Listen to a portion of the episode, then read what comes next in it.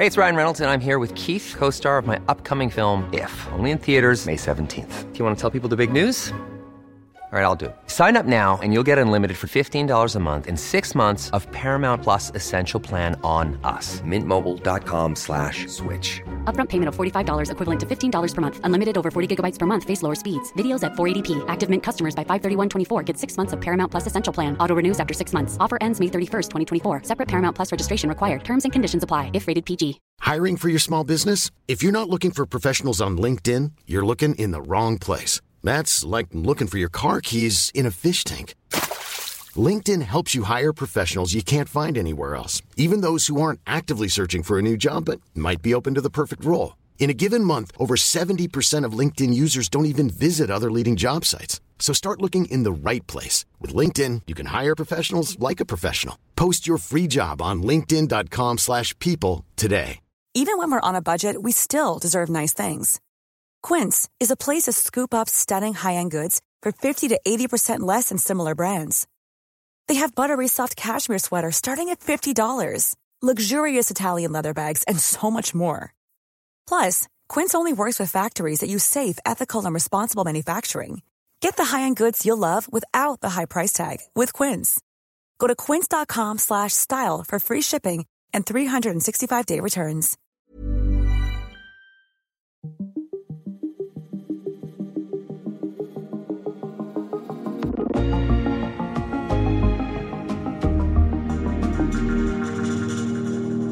Med enhedslisten ude af regeringsforhandlingerne, så går de fra at være støtteparti til at være oppositionsparti. Vi skulle have troet mere på Mette Frederiksen, da hun sagde under valgkampen, jeg vil en regering med højrefløjen, fordi det viser sig jo at være virkelighed.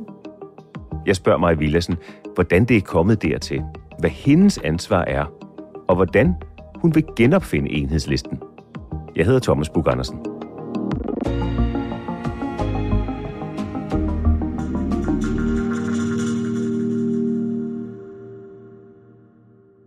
Hvordan er du kommet herud?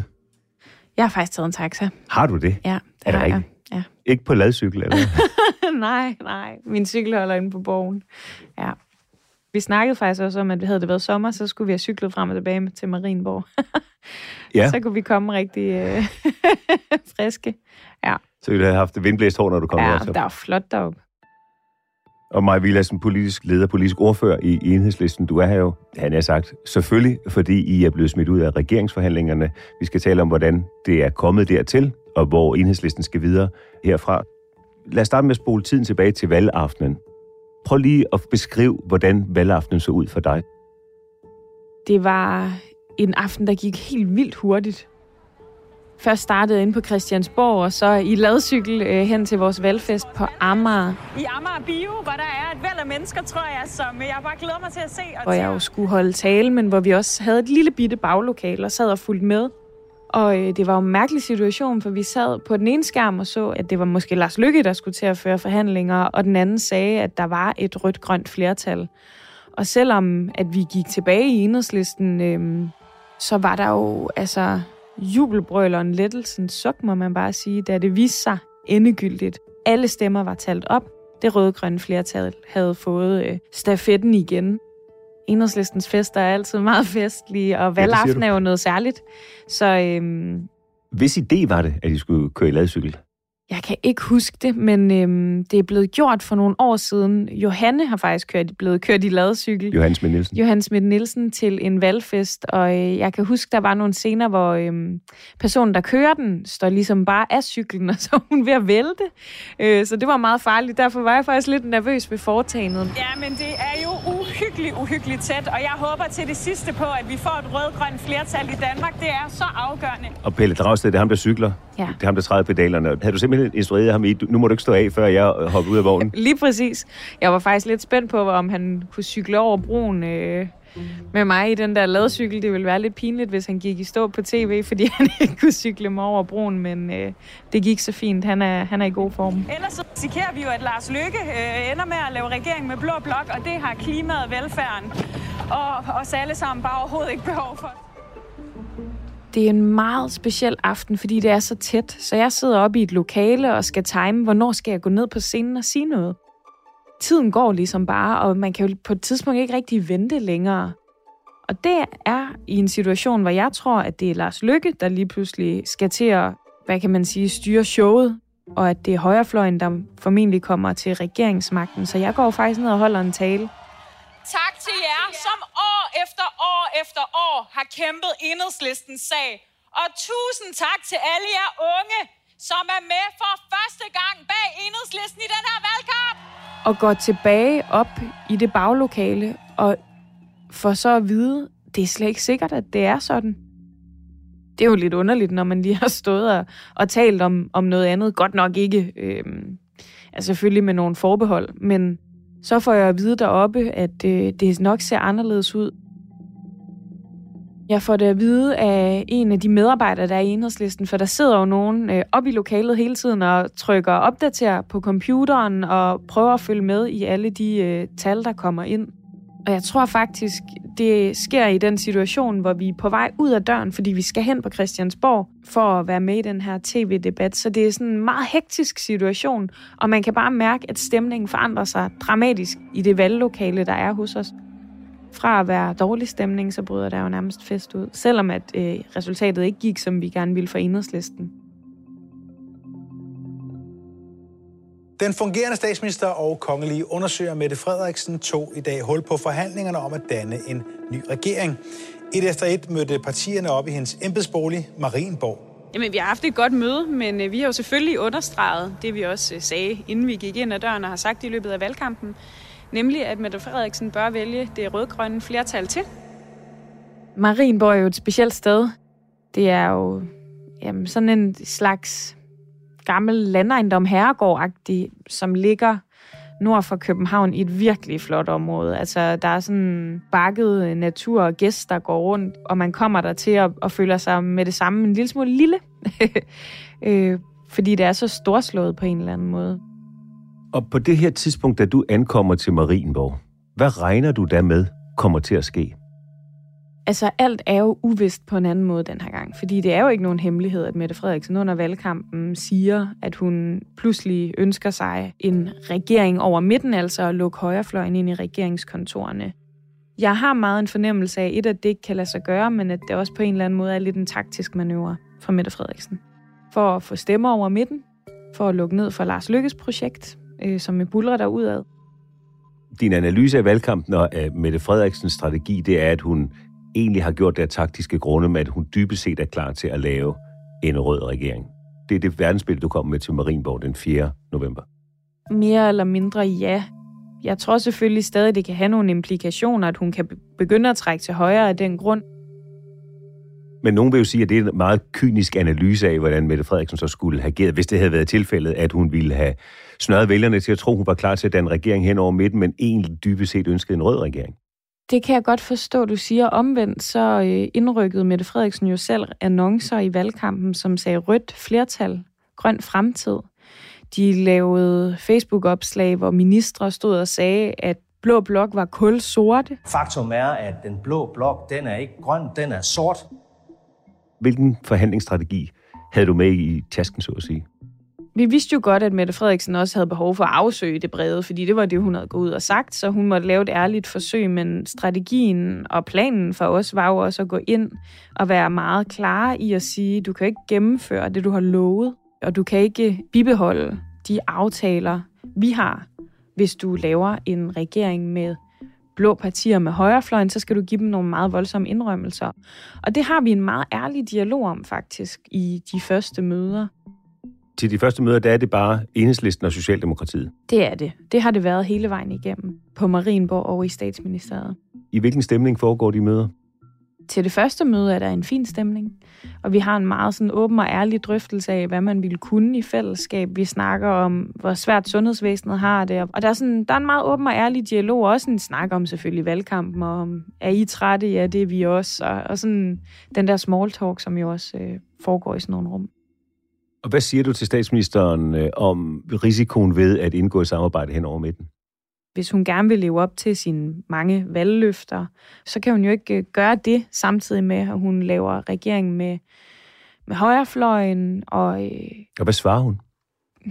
Jamen, jeg vil jo selvfølgelig også gerne øh, holde nogle ting bag, øh, bag dørene, men jeg kan måske sige så meget, at, at, øh, at, at i hvert fald på det sidste møde, at der er en, der er en udvikling, må man bare sige, i løbet af de her møder. Fra hvad til hvad? Undervejs i den her møderække, så kommer vi øh, til at diskutere om den aftale, vi har indgået i sommer. En aftale, som hjælper alle, der er i kontanthjælpssystemet. Ingen mister noget, alle får hvor de fattigste børn i det her land skal have et økonomisk tilskud. Det kører allerede, det har kørt i tre år, og regeringen fremsatte selv et lovforslag om det inden folketingsvalgkampen. Det her tilskud til, til de familier løber ud her til januar-februar i starten af, af det nye år. Vi siger derfor, det skal vi lige huske at have gjort noget ved. Og så kigger de på os og siger, det, det er ikke sikkert, vi kan det. For vi forhandler jo lige nu, og vi forhandler også med højrefløjen. Og det er jo der, den første store konflikt kommer. Hvornår er det? Relativt hurtigt. Og det er jo øh, der, den, den store skræk ligesom indfinder sig lidt hos os. De har simpelthen måske tænkt sig at løbe fra nogle af de aftaler, vi har lavet i fællesskab. Et lovforslag, de selv har fremsat, det vil de måske ikke igen stemme for. Regeringsforhandlingerne fortsatte igen i dag, hvor det var Venstre, Enhedslisten og SF, der var til forhandlinger. Og det er ikke bare forhandlingerne, der flytter sig. Det gør indholdet også.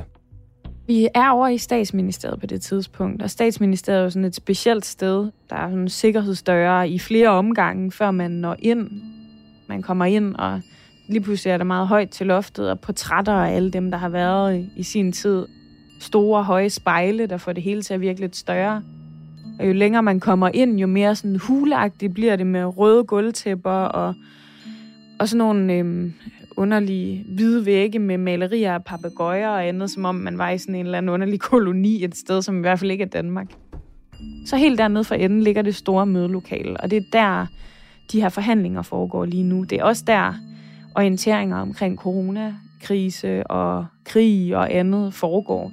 Så det, det er et alvorstungt lokale med sådan et meget stort mørkt bord, hvor vi sidder, ikke sådan putin langt for hinanden, men over for hinanden. I fremsætter kravet, eller minder regeringen, I minder Socialdemokratiet, minder Mette Frederiksen om, at I er blevet enige om det ja. i en aftale øh, fra i sommer. De ser måbne eller med stoneface på og siger, det er ikke sikkert, det kan blive til noget. Hvordan reagerer du på det? Det har vi en, en snak om. Altså, der kommer en meget alvorlig stemning. Øhm, og, øh, og jeg siger meget klart, at øh, det er jo direkte at løbe fra en aftale, et løfte, ikke, de ikke bare har givet til os, men jo også til alle de familier. Øhm, og at det er enormt alvorligt. Er det første gang, at du ser et tegn på, at hun har tænkt sig, Mette Frederiksen, at, at gå hen over midten? Altså, det er jo det klareste tegn på, at hun virkelig mener det. Fordi hun er klar til at gå fra noget, hun selv har lovet og selv har bestemt, måske for at, for at lave et flertal med blå blok. Og så begynder det jo at have nogle politiske konsekvenser. Så er det jo ikke bare noget, vi leger eller noget, vi afsøger. Så får det konsekvenser for mennesker. Og det er jo ikke fordi, at jeg bare naivt har gået i månedsvis og tænkt, at det kommer aldrig til at ske, det kan ikke ske, men der, øh, der bliver det jo bare til virkelighed. Hvordan udvikler forhandlingerne så mellem jer og Socialdemokratiet så fra det øjeblik, hvor det, hvor det her går op for jer, at øh, hun mener det faktisk, og så til i på et tidspunkt får at vide, at nu er I ikke en del af forhandlingerne længere? Der sker jo rigtig meget i forhandlingslokalet, men der sker jo også rigtig meget, skal man vide, i sådan nogle forhandlinger udenfor. Og da jeg sidder og ser Jakob Ellemands tale på Venstres landsmøde, hvor han jo meget tydeligt stempler ind i, at der godt kan komme en regering, hvor Venstre også sidder sammen med Socialdemokratiet, hvor hvor højrefløjen går med i et regeringssamarbejde, så skal vi også ture noget. Så ved jeg, og være klar at det er alvor. Til at sætte os selv på spil. Øhm, fordi det er jo det, Mette Frederiksen har gået og ventet på et tegn i forhold til. Da Venstre åbner op på den måde, så, så, så begynder de jo begge to at gå ind i en rose, de ikke rigtig kan komme ud af. Og, øhm, ydermere, så siger Jakob Ellemann jo på, på Venstres øh, årsmøde eller landsmøde der, at øh, det selvfølgelig kommer til at kræve nogle store politiske indrømmelser for Mette Frederiksen. Hun skal øh, give ham højreorienteret politik, øh, venstrepolitik, for at han vil det. Og øh, det er jo så det, de næste døgn går med at afprøve Mette Frederiksen i. Vil hun det? Hvor langt er hun klar til at gå?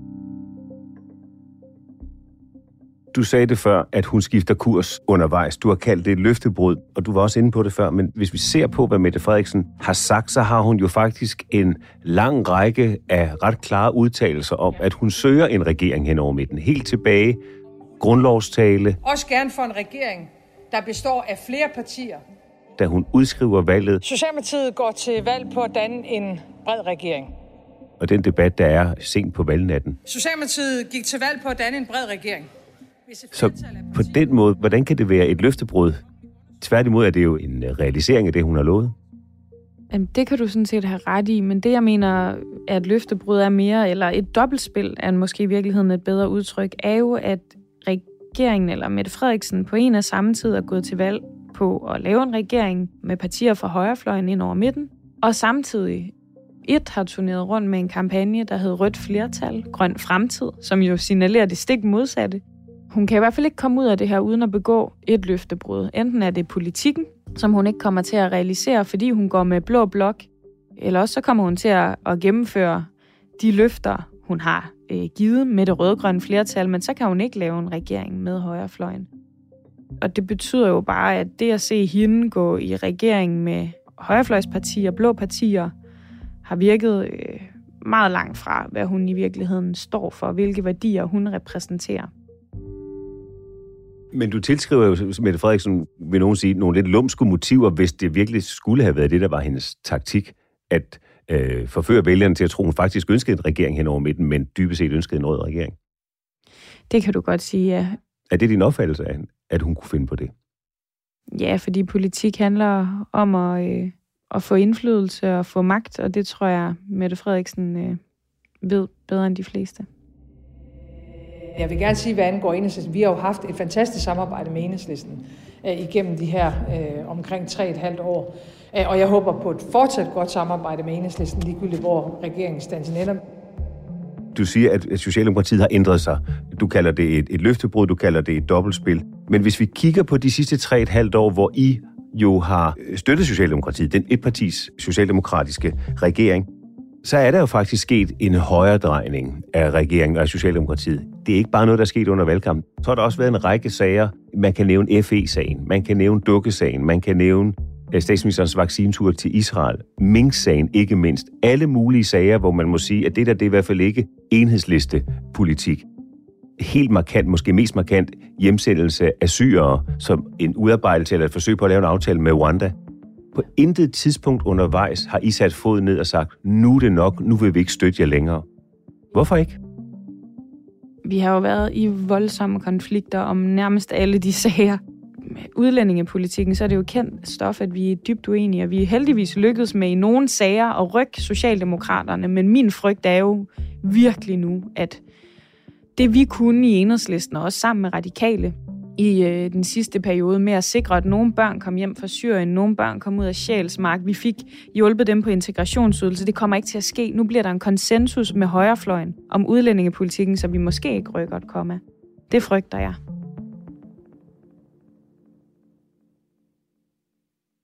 Men netop når regeringen, når den tidligere regering, altså Mette Frederiksens regering, har trukket en række områder til højre og væk fra enhedslisten, hvorfor har I ikke sat foden ned og sagt, nu går den ikke længere. Her vil vi ikke være med længere. Nu kan du ikke sidde som statsminister enhændigt, magtfuldt.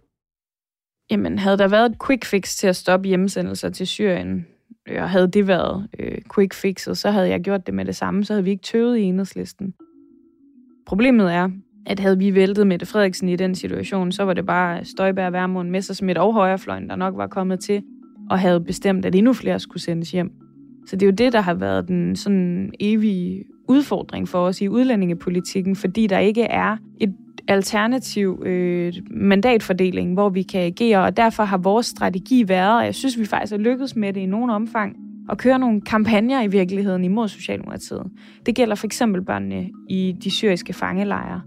Der har vi jo lykkedes med faktisk at få en række af dem hjem, selvom Mette Frederiksen sagde, det kommer jeg aldrig til at gøre.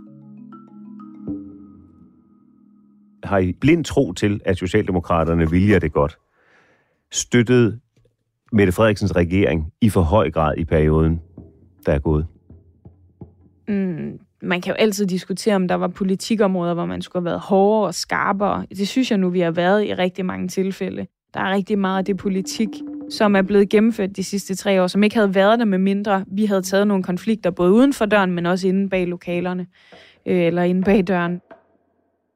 Men altså, jeg tror, en ting, vi helt sikkert skulle have gjort mere, som jeg fortryder nu, er, at vi skulle have kritiseret det her, øh, den her højredrejning langt før. Vi skulle have troet mere på Mette Frederiksen, da hun sagde under valgkampen, jeg vil en regering med højrefløjen, fordi det viser sig jo at være virkelighed. Var det først efter, hun udskrev valget og begyndte at sige, jeg vil danne en regering hen over midten, at de skulle have kritiseret Socialdemokratiet? Eller burde de i virkeligheden have gjort det tidligere? Du får det jo næsten til at lyde, som om vi ikke kritiserede Socialdemokratiet. Jeg tror, vi, I har jo i hvert fald støttet dem hele, har, hele vejen igennem, så de har kunne blive siddende ved magten. Vi har været parlamentarisk grundlag for dem, det har du fuldstændig ret i, men at sige, at vi ikke har kritiseret dem, det synes jeg er helt forkert. Hvornår skulle I have haft ændret strategi, når du kigger tilbage? Vi brugte jo rigtig meget tid på at slås mod højrefløjen, som er naturligt for os i enhedslisten. Vi har ikke et værdifællesskab med dem, og jeg sagde jo også i en lang række af de større debatter, at Mette Frederiksen begik en kæmpe fejltagelse ved at invitere dem ind i regeringskontorene, men det kan godt være, at vi skulle have haft en valgkamp, der kørte mere på det. Så det var måske i virkeligheden jer, der begik den store fejltagelse. Det var måske dig, der begik den store fejl ved ikke at sige, vi kan ikke støtte Mette Frederiksen som statsminister. Hun vil en regering hen over midten. Det er ikke enhedslistens politik. Tja, den, der begår den store fejltagelse i mine øjne lige nu, det er selvfølgelig Mette Frederiksen ved at give veto-ret over politikken til Blå Blok. Så vi kunne ikke have forhindret den her situation med den måde, mandaterne faldt ud på. Nu skal vi gøre alt for at forhindre, at det bliver så stor en katastrofe, som jeg tror, det kan blive. Din forgænger, Pernille Skipper, har, det har været svært at undgå at se, men hun har skrevet et indlæg i politikken, hvor hun siger, at der er forskellige dele af enhedslisten, som er bedaget eller bagudrettet eller ikke er tilstrækkeligt moderniseret. Det handler blandt andet om politikken, altså jeres politiske linje. Invasionen af Ukraine viste, at modstand mod NATO faktisk nok ikke er gangbar i vore dage. Har hun ret? Det er helt rigtigt. Altså, jeg synes, der var øh, noget politik, vi ikke havde opdateret, øh, som virkelig kom til at bide os i, i rumpen. øh, i foråret. Det er der ingen tvivl om. Og, og selvfølgelig skal vi diskutere, hvordan vores parti skal indrettes, og hvilken politik vi skal føre. Lad mig sige det sådan her, enhedslistens rolle kommer til at blive vigtigere end nogensinde. Vi skal samle al den frustration op, der vil komme med sådan en øh, regering med Socialdemokratiet og Højrefløjen. Og der skal vi selvfølgelig have det skarpest mulige parti, der er klar til at samle alle de folk op. Og der øh, er masser af bud, både Pernilles, men også rigtig mange andre, der, der chipper ind i diskussionen. Og det er jo heldigvis ikke noget nyt, at man diskuterer, hvordan vi skal indrette os i enhedslisten. Det tror jeg, øh, de fleste, der følger med i politik, ved. Men er du enig med Pernille Skipper i, at jeres politikudvikling på nogle områder er stagneret? Nej, altså det mener jeg heller ikke, Pernille siger faktisk. Men det er jo helt rigtigt, at under eller i foråret tog vi jo en ny beslutning, og den er jeg rigtig tilfreds med og rigtig glad for, i spørgsmålet om NATO. Men man får lidt det indtryk, både under det, der skete i øh, foråret, hvor det tog noget tid for jer at vågne op til virkeligheden omkring NATO, og NATO måske i virkeligheden er en meget god konstruktion, og det er ikke hensigtsmæssigt at være modstander af NATO. Og også under regeringsforhandlingerne, hvor du har beskrevet forløbet, at det i hvert fald på de her områder, tager det lang tid for jer i enhedslisten at vågne op til de virkeligheder, der er. Ikke så hurtigt ved... Nu, hurtigt ved havelån, du Det var dig, der sagde det. Ej, øhm, jeg er meget uenig i, at det kan sammenlignes. Altså i forholdet til, hvad der skete i foråret og krigen, så øh, havde vi jo nogle beslutninger, der skulle træffes på ny, der skulle ændres simpelthen i vores vedtagelser på årsmødet. Og det var jo det, der gjorde, at det tog sin tid. De her forhandlinger har jo trukket ud, og det, det skyldes Mette Frederiksen, og det er jo først nu, alle toner rent flag, også højrefløjen. Og det er jo det, er jo det der har betydet, at, at tingene ændrer sig hvad er det for et enhedslisten, du godt kunne tænke dig at, hvis ikke genopfinde, så i hvert fald øh, skabe frem efter, herfra hvor I står nu, er ude af regeringsforhandlingerne, er gået en tredjedel tilbage ved det netop overstået valg? Jamen, vi skal være et skarpt oppositionsparti nu, hvis det lykkes med det Frederiksen at lave Men hvad, en... skarpt oppositionsparti, hvad ligger der i det? Der ligger det i det, at når Mette Frederiksen lægger hovedet på puden om aftenen, så skal hun tænke, åh oh, nej, Enhedslisten har endnu en gang fundet den her sag, eller presser os på et eller andet område. Enhedslisten er Men hvilken til... forskel skal det gøre, hvis hun har et flertal øh, hen over midt? Øh, der tror jeg ikke, man skal have været meget i politik for at se, at selv øh, oppositionspartier kan rykke voldsomt meget ved den politiske dagsorden. Og hvordan skal du så som politisk ordfører for enhedslisten agere anderledes, end du har gjort hidtil? Jamen, det bliver sværere for os på Christiansborg. Det bliver sværere for Christiansborg at agere kontrolorgan øh, med en sådan regering, hvis det er en flertalsregering. Men så er det jo, at vi heldigvis har nogle værktøjer til at kalde i samråd, til at øh, drive sager frem, til at stille spørgsmål, som de skal svare ærligt på. Men lige præcis derfor bliver du vel nødt til at genopfinde måden, du er politisk ordfører for enhedslisten på, og enhedslisten som parti bliver nødt til at genopfinde sig selv i den nye politiske virkelighed. Det er der ingen tvivl om. Hvad er det, det vigtigste fokuspunkt for dig i det? Vi skal jo tilbage til nogle rødder og en måde at agere på, som vi heldigvis kender godt og er enormt gode til, fordi vi har været vagthund i Folketinget i rigtig mange år. Det ændrer ikke på, at vi kommer stadig til at gå til forhandlinger og forsøge at rykke øh, forhandlinger og resultater i den rigtige retning, men det bliver jo ikke i lige så høj grad der indflydelsen hos os ligger. Så lidt mindre magthund, lidt mere vagthund i den næste tid, tror jeg. Du har i hvert fald under alle omstændigheder øh, sikkert flere timer øh, fri i din kalender nu, end du har haft de sidste par uger, øh, Maja Villadsen, fordi nu er I ude af regeringsforhandlingerne, men der ligger et arbejde med baglandet med partiet, og, og den tid, der kommer frem. Og tak fordi du kom her fornøjelse at have dig på besøg. Selv Og tak. god tur hjem i hvad? Bliver det taxa eller ladcykel den her gang? Det bliver ikke lavet cykel den her gang. Det bliver ikke ladcykel. Nej. Det var Sissel Ravn og Mathias Bundgaard, der havde tilrettelagt dato om det nye oppositionsparti, Enhedslisten. Ida Skærk og Pauli Galsgaard designede lyd. Redaktør Astrid Louise Jensen. Jeg hedder Thomas Bug Andersen. På genhør.